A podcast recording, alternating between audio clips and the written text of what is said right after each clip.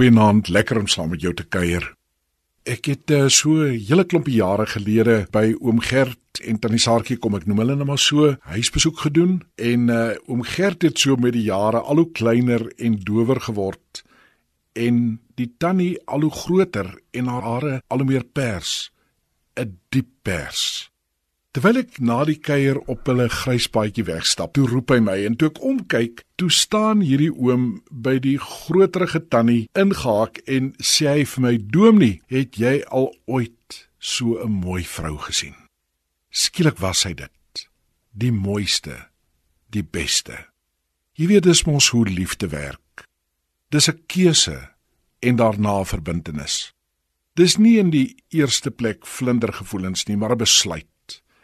Jy maak dit vir my moeilik. Dis nie lekker saam met jou nie. Ons verskil so van mekaar. Jy lyk, praat en dink anders as ek, maar ek besluit om jou lief te hê.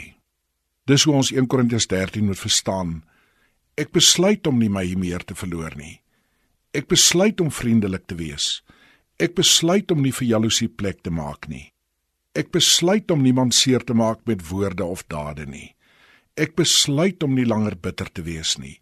Ek besluit om jou lief te hê al het ons albei se jare al ver aangestap.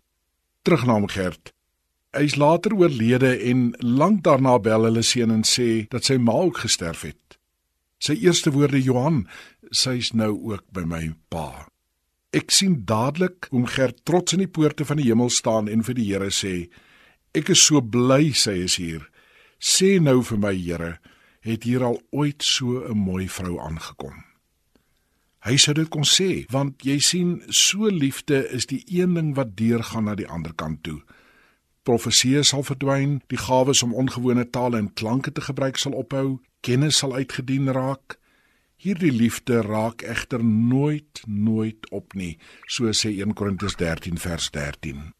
Nou wys ek julle roep Paulus uit wat nog die allerbeste is en dan sê hy En nou geloof, hoop en liefde bly hierdie drie en die grootste hiervan is die liefde.